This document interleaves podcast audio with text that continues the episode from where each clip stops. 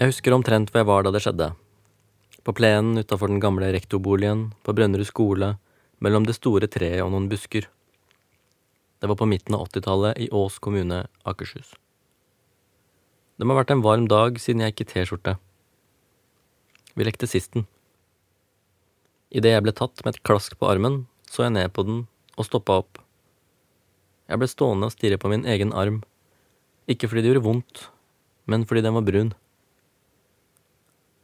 Det var som om noen skrudde av lyden rundt meg. Jeg kunne se meg selv utenfra, fra alle vinkler, som Keanu Reeves i den Matrix-filmen. Som ble stående i flere sekunder. Jeg har aldri helt skjønt hva det var som skjedde, men etter denne dagen kunne jeg bli sittende i matpausen og studere de andre, mens jeg tygde på mammas innbakte tunfiskcurry eller spiste klissete sushiris fra fingrene mine jeg tenkte at de andre, som jeg nettopp hadde lekt med og kjente godt, så så fremmede ut. Det var som om de var med i en film, mens jeg var publikum. Jeg heter Johan Shanmugaratnam. Jeg er halvt tamilsk, halvt japansk og nesten helt norsk. Jeg er journalist og jobber til vanlig som utenriksredaktør i avisa Klassekampen. Men den neste timen her på Sommer i P2 skal jeg snakke om min oppvekst om kontinenter som krysses, røtter som slites, og mitt forsøk på å finne ut hva det var som traff meg den dagen i skolegården.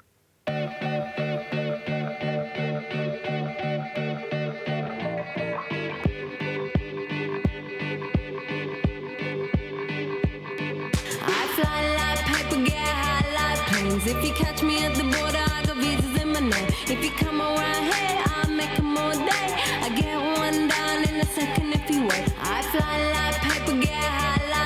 If you catch me at the border, I got visas in my name. If you come around here, I'll make them all day. I get one down in a second if you wait. Sometimes I think sitting on trains. Every step I get to, I'm clocking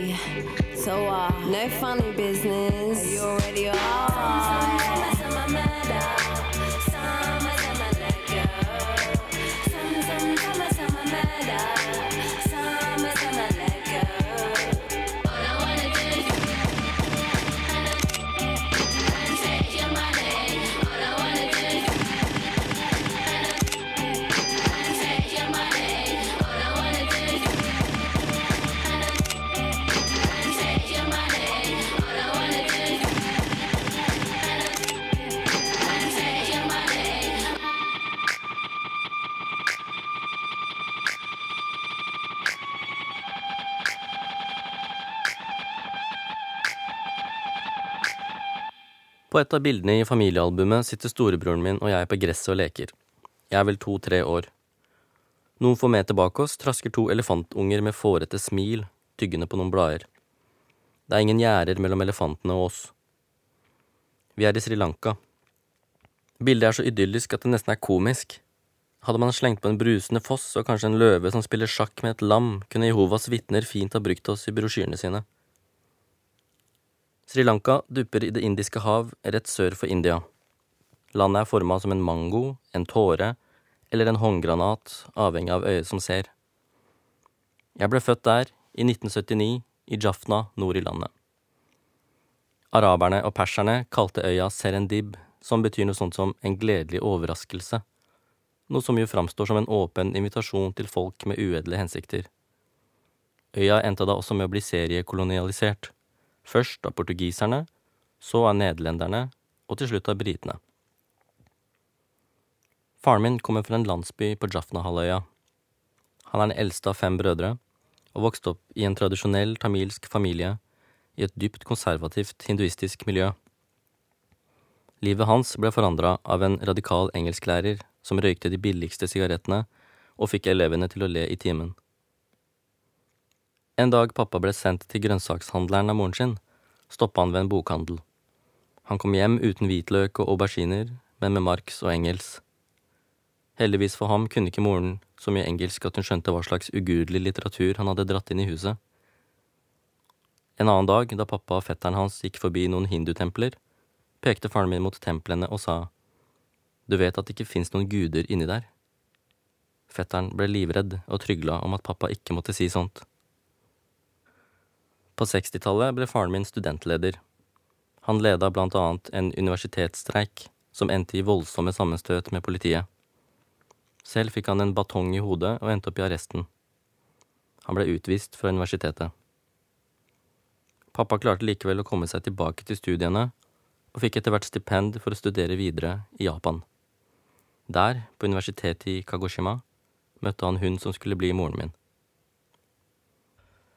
Til å begynne med lot ikke mamma seg imponere særlig av denne skjeggete studenten fra Sri Lanka som var full av revolusjonært prat. Pappas forslag til date var å ta mamma med på en propagandautstilling om kulturrevolusjonen i Kina. Mamma hadde selv en venninne fra Taiwan, og protesterte kraftig. Det endte med krangel, men ble også starten på et forhold. Besteforeldra mine i Japan var fra bygda i Kyushu sør i landet. De var ikke spesielt fornøyde med at datteren hadde funnet seg en utlending. Mamma fortalte at hun ville gifte seg med pappa, og de sa kontant nei. Da hun svarte at hun ville reise etter ham til Sri Lanka, nekta morfar å gi henne passet hennes. Etter intens og kløktig megling utført av mammas storebror, ble morfar til slutt overtalt til å gi slipp på passet, og dermed datteren. Mamma dro og var borte i ti år. Jeg tror ikke det er så lett å forstå hvor stor beslutning det var for henne som ung japansk kvinne å trosse foreldra slik hun gjorde. På pappas side var det heller ikke noe aksept for ekteskapet. Min farmor var dypt skeptisk. Hun hadde blant annet hørt historier om hvor grusomme de japanske soldatene hadde vært i landet de okkuperte, i Asia under andre verdenskrig. Men mamma begynte å gå i sari, lærte seg tamilsk, fikk barn og ble akseptert som en del av pappas familie. Og pappa ble til slutt også godtatt av mammas foreldre. Selv om mamma lot seg integrere i pappas familie og kultur, lot hun seg aldri integrere i hans politiske univers. En dag oppdaga pappa at mamma brukte hodet på hans lille bronsebyste av Lenin til å knuse krydder. Vær så snill, vis litt respekt, ba pappa. Hvorfor det, lurte mamma. Den runde, blanke issen passa jo perfekt til formålet.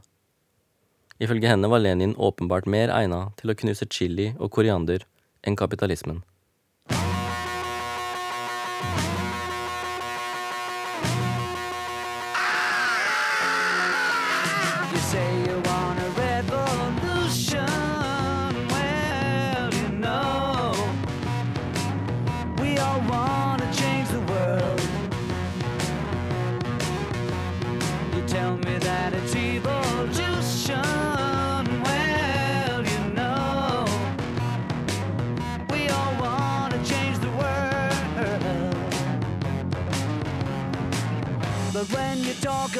Destruction, don't you know that you can count me out?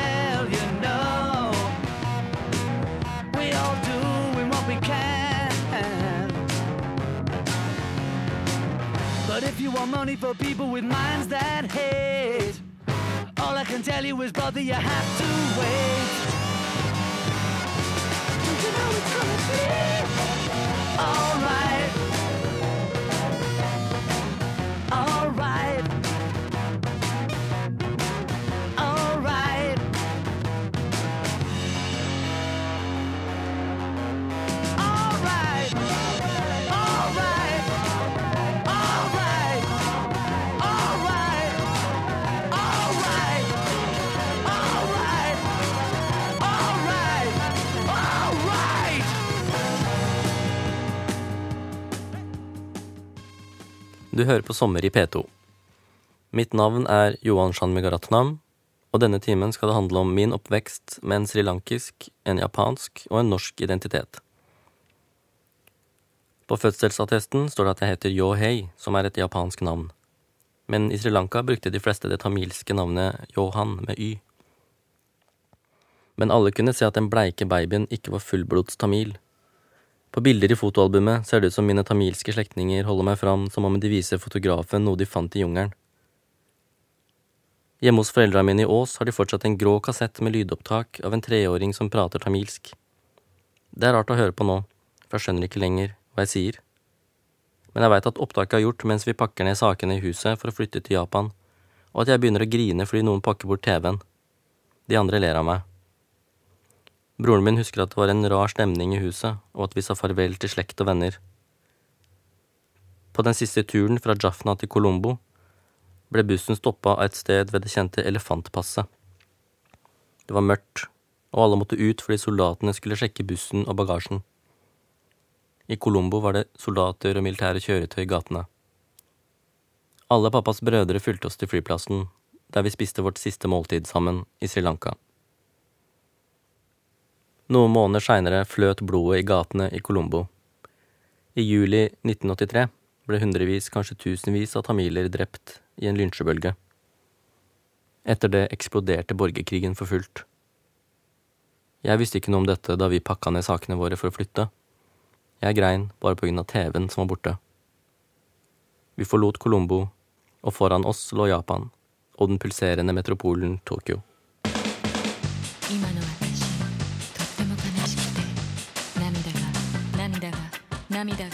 涙が涙が止まらないの。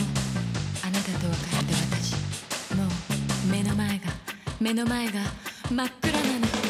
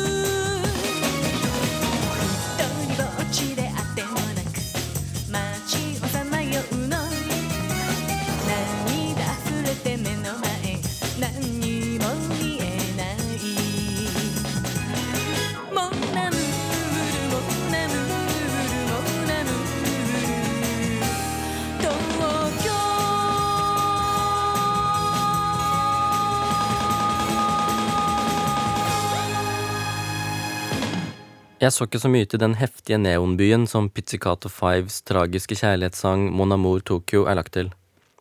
Vi bodde i en liten, slitt leilighet i Chiba utenfor selve Tokyo by. Familien vår var åpenbart et fremmedelement i nabolaget. På et av bildene fra den første tida i Japan står jeg på gata i shorts og har utrusta meg med to lekesverd, et langt og et kort, akkurat som en ekte samurai. Jeg ser morsk ut med mørk hud og bustete hår. Jeg ser like malplassert ut som de japanske soldatene som ble oppdaga i jungelen på Filippinene flere tiår etter slutten på andre verdenskrig. De som nekta å tro at Japan hadde tapt og fortsatte å trene til krig og spikke våpen inne i jungelen. Når man snakker med japanere, sier de gjerne at grunnen til at de er så sære, er at Japan er en øynasjon. I motsetning til Sri Lanka, som jo også er en øynasjon, var Japan isolert i lange perioder, så analysen har kanskje noe for seg. Det fins ikke mange innvandrere i Japan. De vil rett og slett ikke ha så mange av dem. Da jeg var på utveksling i Kyoto på ungdomsskolen, husker jeg at jeg ble kalt Indo, altså inder. De eneste som var under meg på den sosiale rangstigen, var en kineser som het Chin, som betyr gyllen på kinesisk, men pikk på japansk, og en ekstremt plaga gutt som ikke greide å kontrollere sin egen avføring. I Japan kaller man folk som meg og broren min hafu, etter half på engelsk. Vi var halve mennesker. Men vi lærte å snakke språket flytende, og lekte daglig med barna i nabolaget. Det var sønnen til han som drev elektronikksjappa rett overfor oss, og det var barna til det klengete paret som bodde ved siden av oss. Det var han hengslete, snørrete og alltid skitne gutten som vi bare kalte Tsuru, som betyr trane. Og han som alltid ble henta i en svart Mercedes av faren, som visstnok var yakuza, altså medlem av den japanske mafiaen.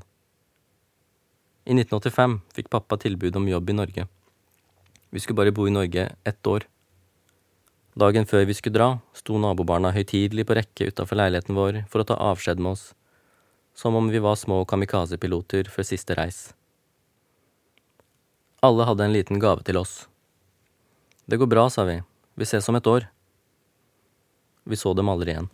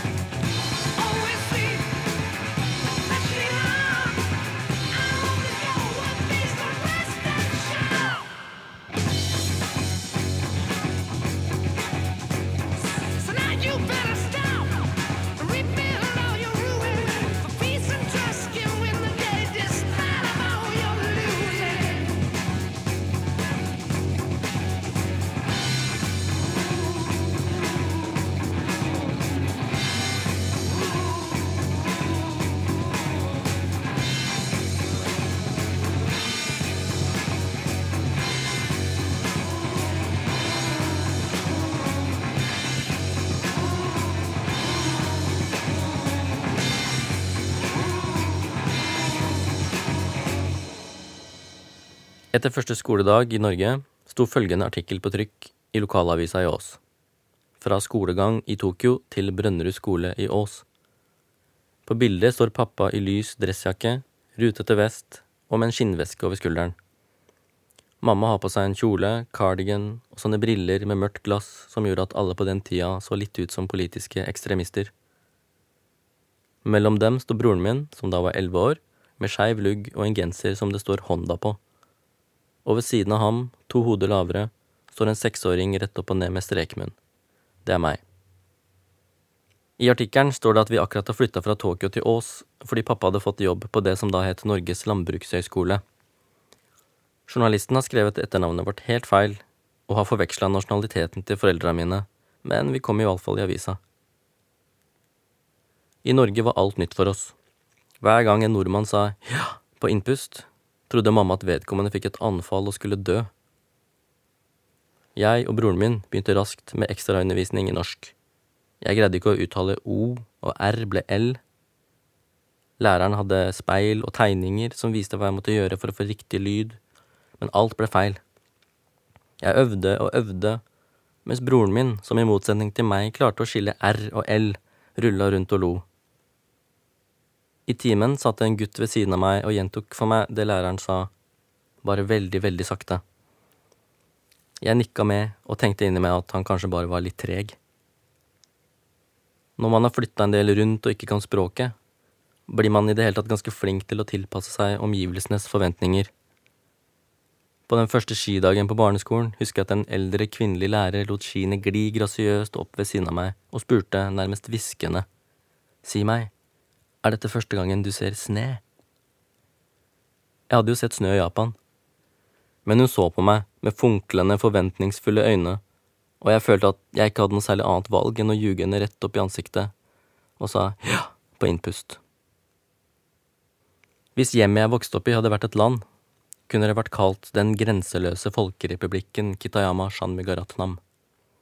Japansk var det offisielle språket, fordi det var det eneste språket hele befolkningen kunne snakke greit.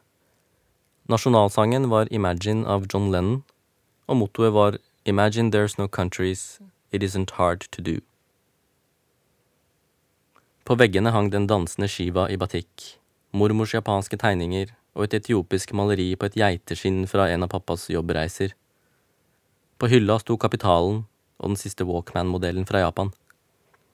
Skulle et interiørblad ha lagd en omtale av hjemmet vårt, ville det stått spennende å leke en fusion med det beste fra den første, den andre og den tredje verden.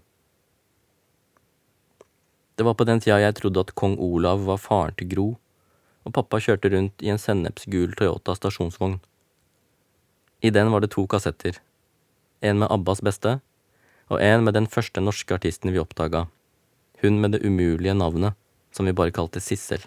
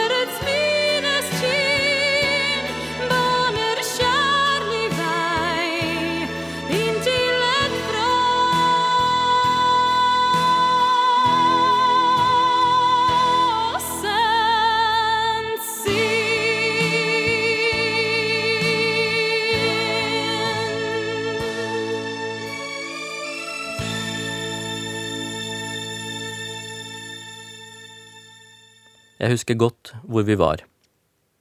Vi var på Fornebu utafor Oslo, på det som da var Oslo lufthavn. På vei til å bore Pan Am-flyet vårt til Berlin, der vi skulle besøke onkelen vår. Det var på tampen av 1989. På grunn av Lockerbie-bombinga året før hadde Pan Am tydeligvis innført nye sikkerhetsrutiner. Vi hadde allerede vært gjennom sikkerhetskontrollen, men i gaten ble passasjerene delt inn i to køer. En med de hvite, og en med de som hadde mørk hud, mystiske hodeplagg eller begge deler. Siden vi så ut som en tilfeldig sammenraska familie, kom vi bakerst i den andre køen. Når du er ti år, så vil du ikke at foreldra dine skal stikke seg ut. Men fattern var alltid klar for å lage en scene på flyplassen hvis vaktene var urimelige. Hvorfor har dere satt opp to køer, ville han vite. Det er etter instruks fra amerikanerne, svarte vakta. Pappa fortsatte. Hvorfor aksepterer dere disse instruksene? Har dere ikke egne retningslinjer? Hvorfor følger dere amerikanerne i ett og alt? På dette tidspunktet hadde vakta begynt å kroppsvisitere meg. Hva er det du har i lomma, ta det ut, ropte hun til meg. Og idet jeg prøvde å ta ut mitt nye turkise plastnøkkelknippe fra den steinvaska bukselomma, hadde pappa for lengst forlatt Gandhi og gått over i militant modus. Hva tror du, det er en bombe, han skal sprenge flyet deres, utbrøt han. Utrolig nok kom vi oss på flyet. Jeg tror ikke pappa sa ett eneste ord under flyturen. Han var så rasende. Pappa beholdt lenge sitt srilankiske pass, hans fordømte tredje verden-pass, som han kalte det. Selv om det ga han trøbbel hver gang han var ute og reiste. Og det gjorde han mye. Det var en slitsom, men pedagogisk måte å vise oss hvordan verden hang sammen på. I utklippet fra lokalavisa jeg nevnte, oppdaga jeg forresten nylig en skrivefeil jeg ikke hadde sett før. Når journalisten skriver om storebroren min, sa han, har han glemt en R i broren, så det står at han er broen min. Det er kanskje verdens mest presise skrivefeil. Han er jo egentlig min eneste direkte bro til barndommen vår, i Sri Lanka, i Japan og i Norge. Han plukka opp uvennlige kommentarer som jeg var for liten til å forstå. Han fikk meg til å grine utallige ganger, men det skulle heller ikke så mye til. Han bar meg også på ryggen den lange veien til skolen, og jeg fortsatte å henge på ham. I skateparken på Ås stasjon, på Bodymap i Oslo for å kjøpe en altfor stor Public Enemy-T-skjorte, på Ice-T-konsert med påfølgende gjengbråk, på fest med pappas hjemmelagde og totalt mislykka eplevin. Jeg hang også på ham da han og Ola lagde det som trolig var den første graffitien i Ås. De skulle skrive Black is beautiful på en vegg, men stoppa opp fordi de ble usikre på hvordan man staver beautiful, og måtte sykle hjem og hente en engelsk ordbok for å sjekke. Så her kommer en låt fra den tida, fra det første studioalbumet til Public Enemy. Sangen handler for øvrig om en gammel og stolt Ås-tradisjon. Råning.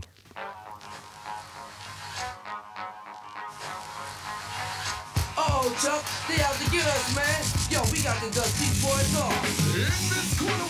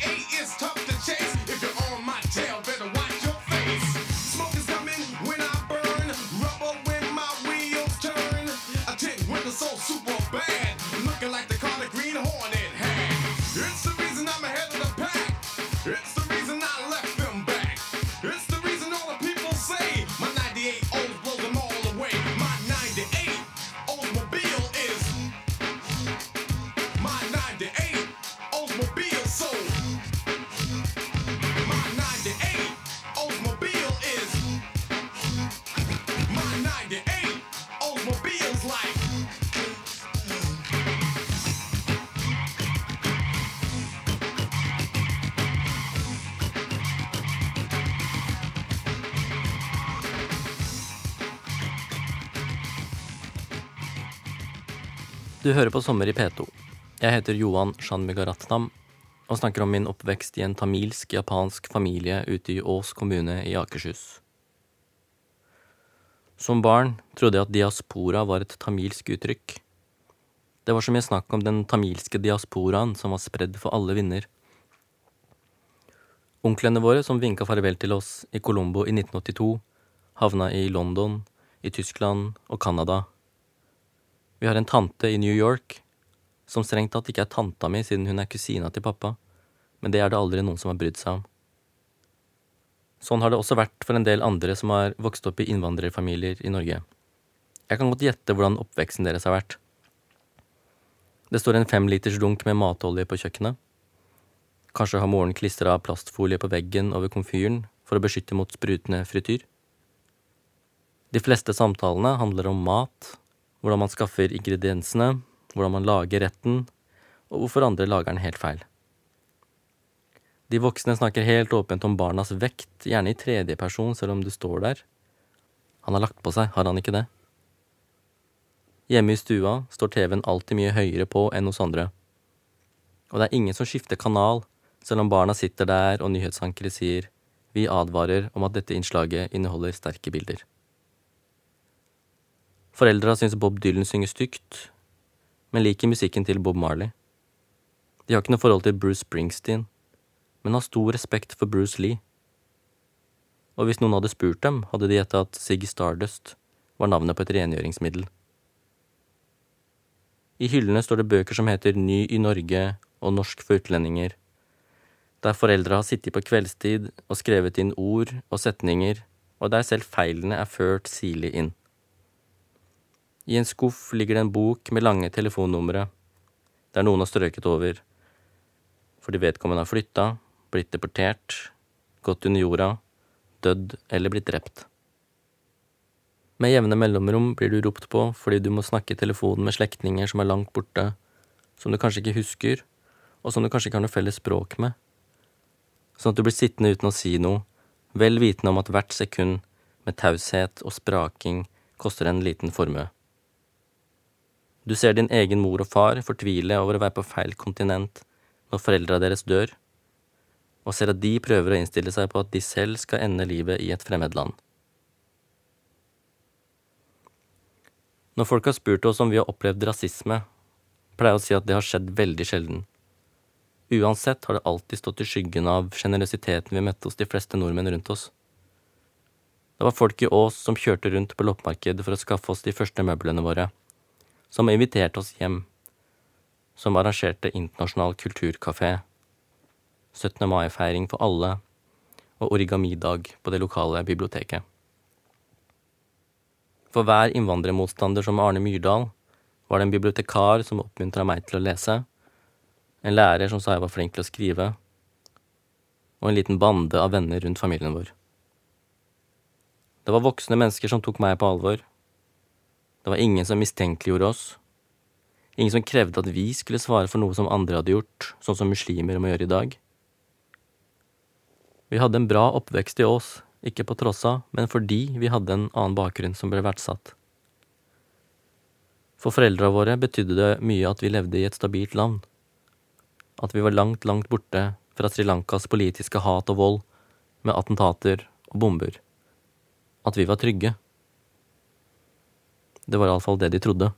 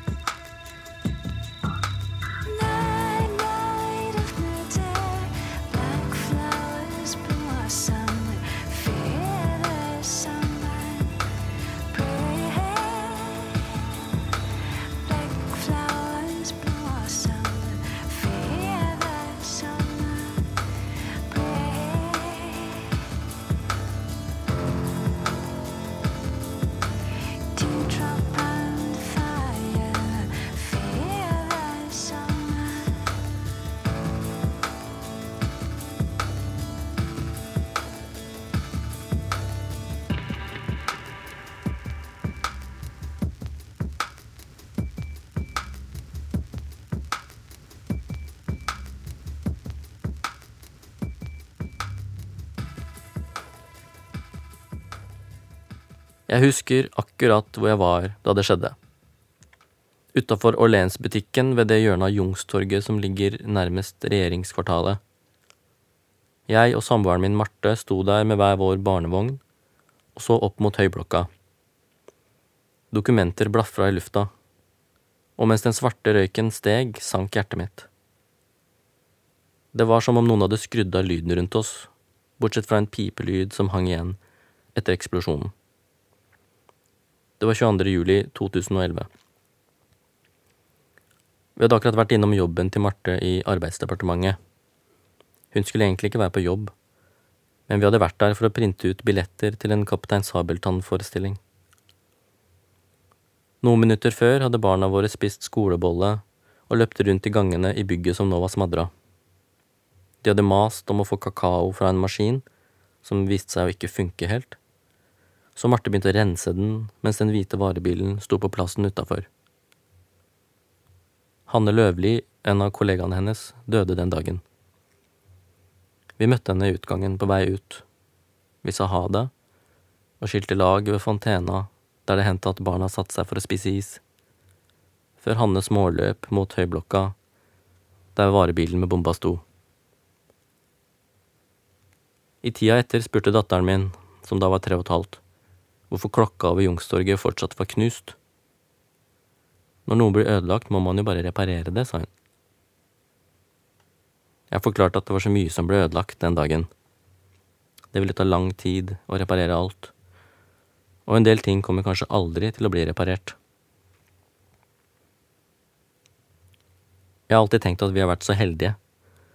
Vi kom fra land som til sammen har vært ramma av borgerkrig, jordskjelv, tsunamier og atomkrise, og greide å havne i et av verdens tryggeste land. Da tamiler ble slakta ned i vårt gamle nabolag i Colombo i 1983, var vi nesten 7000 km unna, sammen med pappa på feltarbeid i en liten japansk landsby. Det er noe på TV om Sri Lanka, sa bøndene til pappa. Vi tror det er ditt folk som blir drept. Da massedrapene ble gjentatt i langt større omfang våren 2009, fulgte vi det med forferdelse, men på trygg avstand, på TV og på nettet her i Norge. Men sommeren for seks år sia ble Norge og vi plutselig innhenta av en type vold som vi trodde vi hadde unnsluppet mer enn 30 år tidligere. Det ble sagt mye i tida etter 22. juli, men for meg var det ingen som oppsummerte det som Magdi i Carpe Diem i de første strofene her.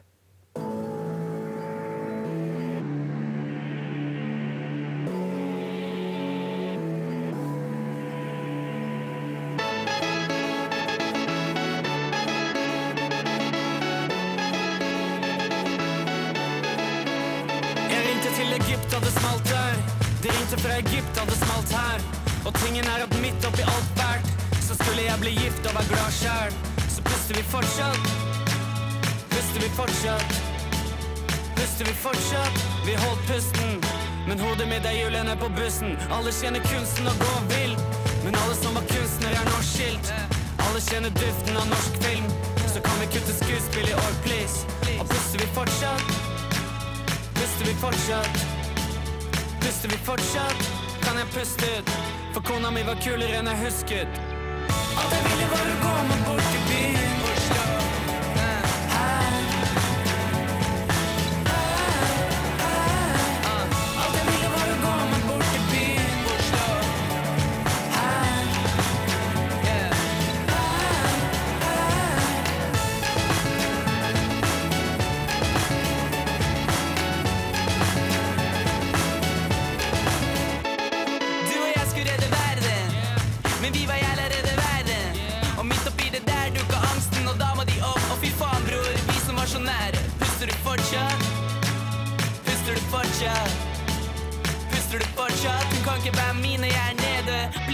Gå til legen. Så Ragen gikk fra skjæroksat til særoksat og opp i berg-og-dal-banen. Sverger man på at man skal redde verden igjen. Men ingen av oss har noensinne hatt baller til det. Puster vi fortsatt? Jeg spør, puster vi fortsatt? Puster vi fortsatt? Nei, vi ligger her livløse. Pillene som smiler mitt er innsvøpt i. Alt jeg ville var å meg bort til byen.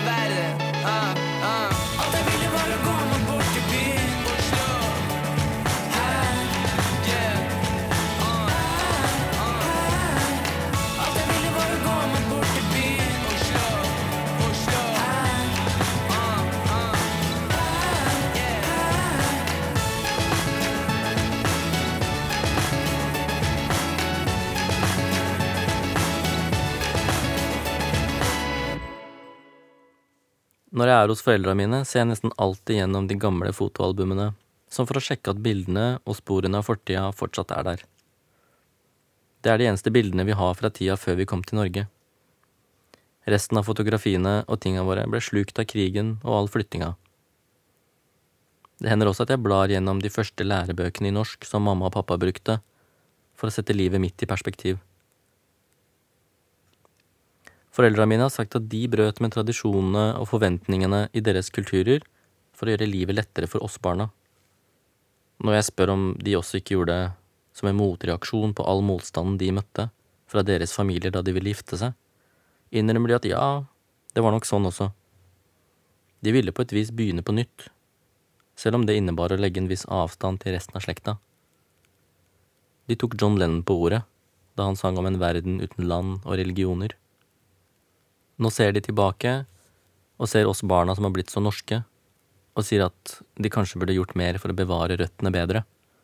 Kanskje vi burde ha feira de høytidene likevel, og besøkt slektningen oftere. Jeg vet at noen andre og tredje generasjons innvandrere er lei av å bli spurt hvor de kommer fra, fordi de tross alt kom fra Norge, men jeg blir aldri lei av å svare på det spørsmålet.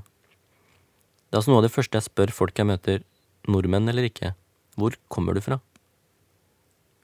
Jeg tror at selv de som insisterer på at de er helt norske, vil ha en anerkjennelse av at de også er noe mer. Da noen spurte meg i Japan hvordan det var å være halv, svarte jeg kvikt at jeg ikke visste fordi jeg var dobbel. Jeg har hørt andre si lignende ting, at de er 100% det ene og 100% det andre. Det er en fin tanke, som for meg er mer et ideal enn en beskrivelse av hvordan ting er. Å vokse opp med og mellom flere kulturer handler ikke om en brøk som skal gå opp. Det er et rotete lappeteppe som mangler en bit her og der, men som man prøver å få til å henge noenlunde greit sammen. For noen tror jeg presset både fra familien og storsamfunnet i verste fall kan bli uutholdelig. For andre, som meg, så har omgivelsene gjort sitt for at det skulle bli lettere. I dag kjennes det som en luksus, nå som verden igjen innhylles av en mørk nasjonalisme og folk som snakker om sivilisasjonskrig for toppverv. Idet jeg skal dra fra foreldra mine, begynner barna som vanlig å krangle om musikken vi skal spille i bilen. Til slutt avbryter jeg dem og sier nå er det faktisk min tur til å velge sang.